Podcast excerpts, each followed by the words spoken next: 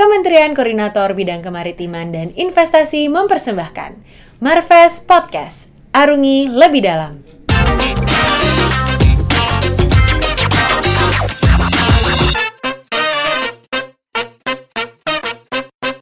sore, semuanya nama saya Luis Kaisa Iskandar. Uh, saya Hendra. Uh, ya, saya Sabrina Nuril Adani. Perkenalkan, nama saya Wahyu oh, PNS baru. Aku Amira. Apa sih sebenarnya secara garis besar yang dikerjakan oleh D6? Nah, Deputi Bidang Koordinasi Investasi dan Pertambangan ini uh, merupakan uh, deputi yang uh, paling banyak ya porsinya kalau kemarin kalau maritim dan investasi itu kan ada maritim dan investasinya. Nah, kalau maritimnya ada lima deputi nih yang royok tugasnya. Nah, kalau investasinya itu adanya ya di deputi 6.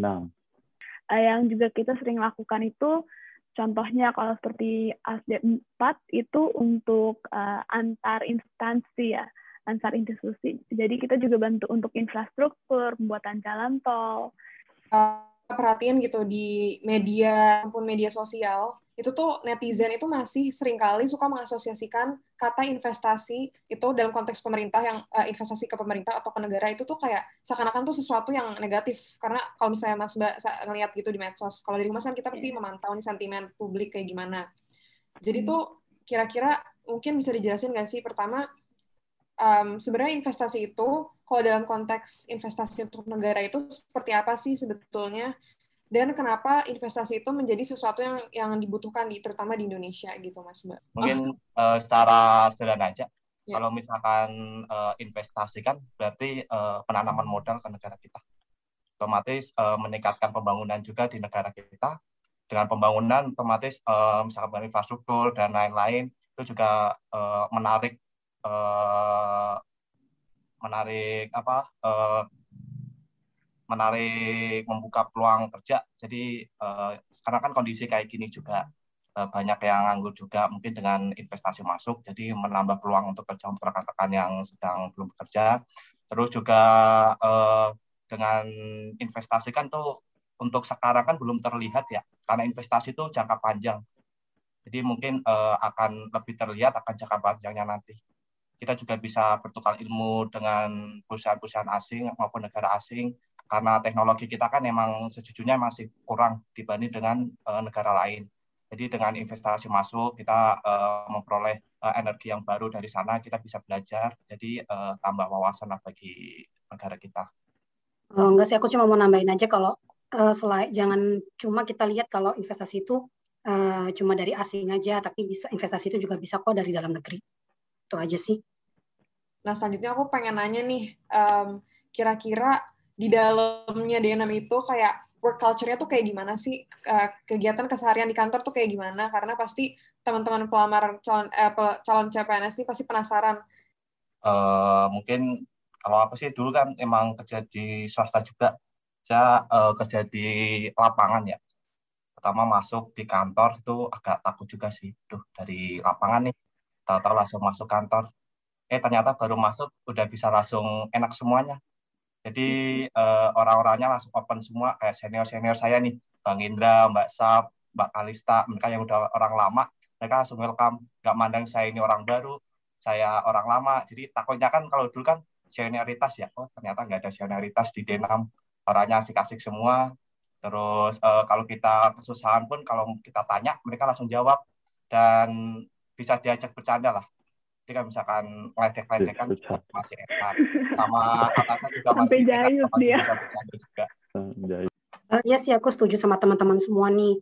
Emang sih kalau di enam tuh kelihatannya kayak ya dia tuh serius tapi santai gitu istilahnya. Dan hmm. di antara teman-teman sama pimpinan-pimpinan tuh uh, maksudnya gimana ya? Uh, bisa saling koordinasi dengan baik lah gitu istilahnya. Sama kita bisa saling membantu juga nih antara eh, teman-teman kita nih mau seangkatan atau beda angkatan kita saling bantu sih. Jadi ya uh, nyaman aja gitu kerja di Deputi 6. Oh iya.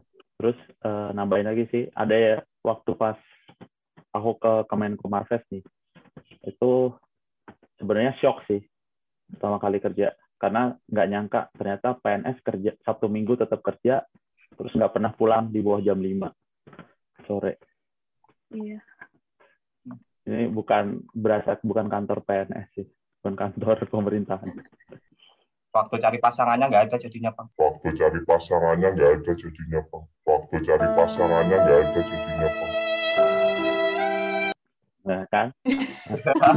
Curhat jadi. Curhat. aja carinya tuh di kantor makanya dia Oke, berarti kalau yang dari yang dijelasin berarti ya sangat nggak sesuai stigma kayak yang katanya PNS cuma kerjanya ke kantor main game apalah itu tuh nggak banget ya mas mbak berarti Tuh. udah rasanya udah bobotnya Banget ya, kayak swasta gitu aduh enggak Mbak Sabrina juga udah tahu Oke. Nah, selanjutnya untuk pertanyaan selanjutnya aku pengen nanya tentang eh, kan pertama kita kan kementerian koordinator. Jadi beda sama kementerian Hmm. teknis pastikan. Ya pasti em, ya ber- kita lebih ke koordinasi antar KL dan institusi-institusi lainnya. Terus juga dari segi apa ya mungkin kalau yang dari aku tangkap em, dapat helikopter view-nya lebih juga gitu em, untuk apa namanya pembangunan secara nasional ini. Nah, kira-kira Mas Mbak ada nggak sih pengalaman atau cerita, cerita atau ya cerita singkat aja tapi ya tentang misalnya lagi handle project apa atau lagi datang ke daerah mana terus tuh ada ada pengalaman aja gitu yang yang kira-kira ber- berkaitan dengan gimana di di D6 ini tuh em, kerasa bikin impact langsung ke masyarakat gitu. mungkin beberapa kali sih ya mbak yang terjadi itu misalkan ada yang mau berencana investasi dan perlu pengetahuan rangka hukumnya gitu bagaimana dan mungkin juga akhirannya tuh sering terjadi tuh setelah pembahasan setelah melihat eh, kendalanya apa keterbatasannya apa dan kita juga yang sering kita lakukan itu berdiskusi dengan kementerian dari instansi lainnya yang berkena berwenangnya itu kita akhirnya tuh bisa lihat silver liningnya tuh di mana. Di mana nilainya ini bisa membantu atau nilainya ini memang mungkin bisa diperbaiki dikit gitu ya. Misalkan contohnya kayak perubahan dalam peraturan menteri atau mungkin juga misalkan ada banyak waktu itu ada kejadian mereka tuh mengikuti peraturan dari salah satu kementerian untuk seharusnya tuh A Nah, tapi pas dilihat di, perat, di peraturan daerahnya B dan agak jauh gitu jadinya. Nah, di situ kita juga jadinya berkoordinasi biar untuk peraturan daerahnya tuh disesuaikan biar sesuai dengan peraturan A-nya gitu. Jadi banyak yang kita juga melihat tuh di sini ada perubahan peraturan tapi untuk perbaikan dan penyelarasan gitu. Kalau di SDP 2 sih waktu itu ada ya tentang ini sih eh, investasi di salah satu pelabuhan di Indonesia itu tuh mandek gitu. Maksudnya kita masih belum tahu nih sebabnya itu apa, kenapa sih nih bisa bertahun-tahun nih nggak jalan. Akhirnya kita sering ngadain rapat-rapat dengan stakeholder terkait eh, dan sampai akhirnya beberapa bulan lalu itu disepakati untuk eh, MOU, MOU antara tiga pihak. gitu. Dan sampai sekarang sih masih terus di follow up sih untuk investasi tersebut biar tetap berjalan gitu aja kalau dari saya sih coba si Mas Wahyu bisa nambahin Oke, mungkin contoh satu aja ya Mbak. Itu terkait tadi yang tak sebutin awal, mungkin tentang pertambangan rakyat ya. Eh, kan banyak tambang liar yang ada di Indonesia. Dan itu kalau misalkan dijadiin tambang rakyat, itu kan bisa membuat pemasukan negara yang besar juga. Jadi warga mereka juga eh, antusias dan senang kalau misalkan itu dijadiin tambang rakyat. Dan mereka welcome banget dan eh, siap mau ngikutin apa pun alurnya demi untuk jadi tambang rakyat. Soalnya kan kalau misalkan tambang rakyat, mereka juga nggak takut lagi untuk kejar-kejaran dengan polisi atau dengan hukum lah istilahnya. Eh, dan kemarin pun sampai eh, pas itu keluar keputusan presiden juga untuk terkait tambang rakyat untuk mempercepat proses tambang rakyat ini. Itu juga suatu ini sih suatu kebanggaan tersendiri karena eh, apresiasi dari presiden sendiri. Hmm, kira-kira apa sih apa ya? Apa yang unik dari D6 dibanding sama unit kerja lain? Yang pasti di D6 tuh orang-orangnya ganteng-ganteng sama cantik-cantik semua sih. Alhamdulillah, orangnya asik-asik semua. Bangga. Beruntunglah aku masuk di D6, apalagi di bawahnya Bang. Masya Allah. D6 tuh deputi paling fleksibel. Hmm. Kenapa tuh mas?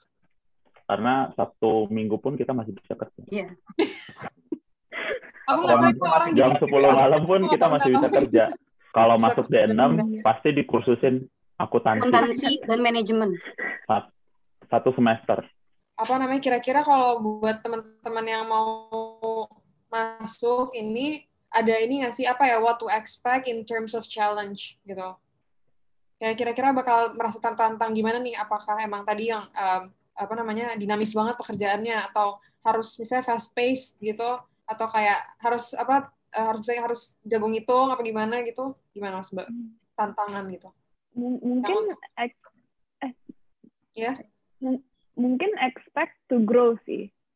Hmm. dan dalam hal ini tuh di mana pun di dalam D6 sama siapa pun tuh selalu ada kesempatan untuk kita belajar tapi di situ kita juga harus memberikan kesempatan untuk mendengar gitu karena kalau kita contohnya masuk nih tapi merasa hebat apa tapi nggak mau mendengar kita nggak bakal berkembang Kalau yang pasti kalau mau tantangan masuklah deputi 6. Hmm.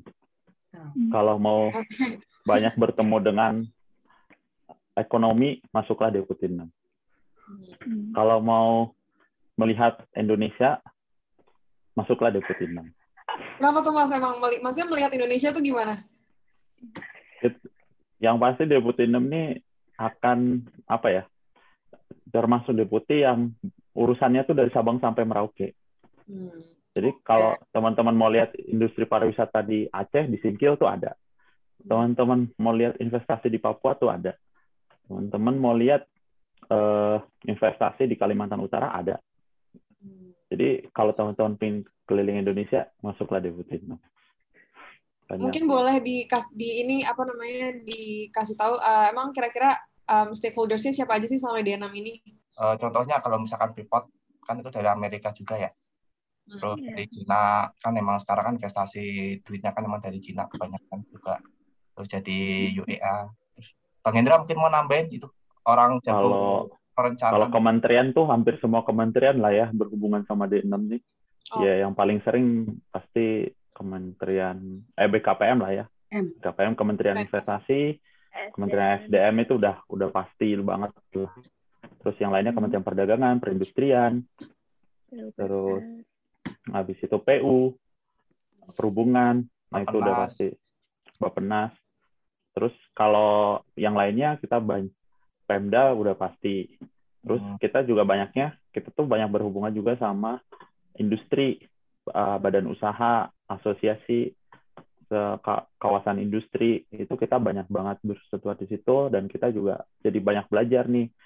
Jadi belajarnya nggak cuma teori atau eh, undang-undangnya atau kita bicara tentang normatif-normatif dari birokrasinya, tapi kita juga melihat sebenarnya kayak apa sih eh, ekonomi kita berjalan itu di bawah di dunia industrinya tuh kayak apa sebenarnya.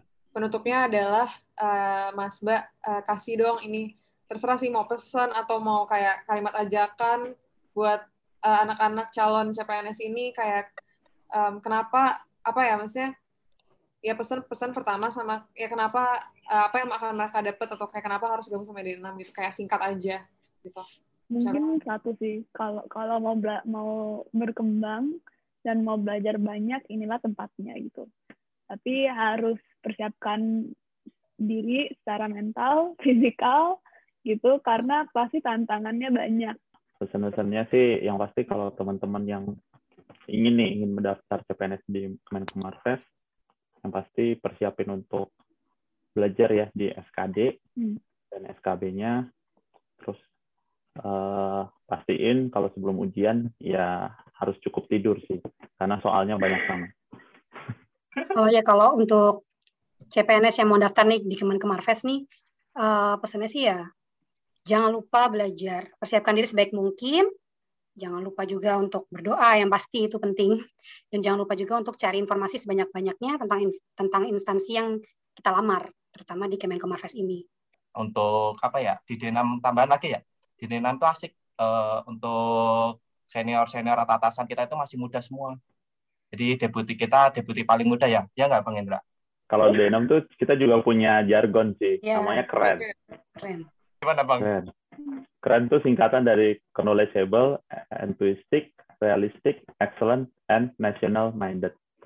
Keren banget. gimana Keren. D6, D6 Nama Keren. Keren. Marves, Marves Martes Martes. Marten Iya. oke. Keren.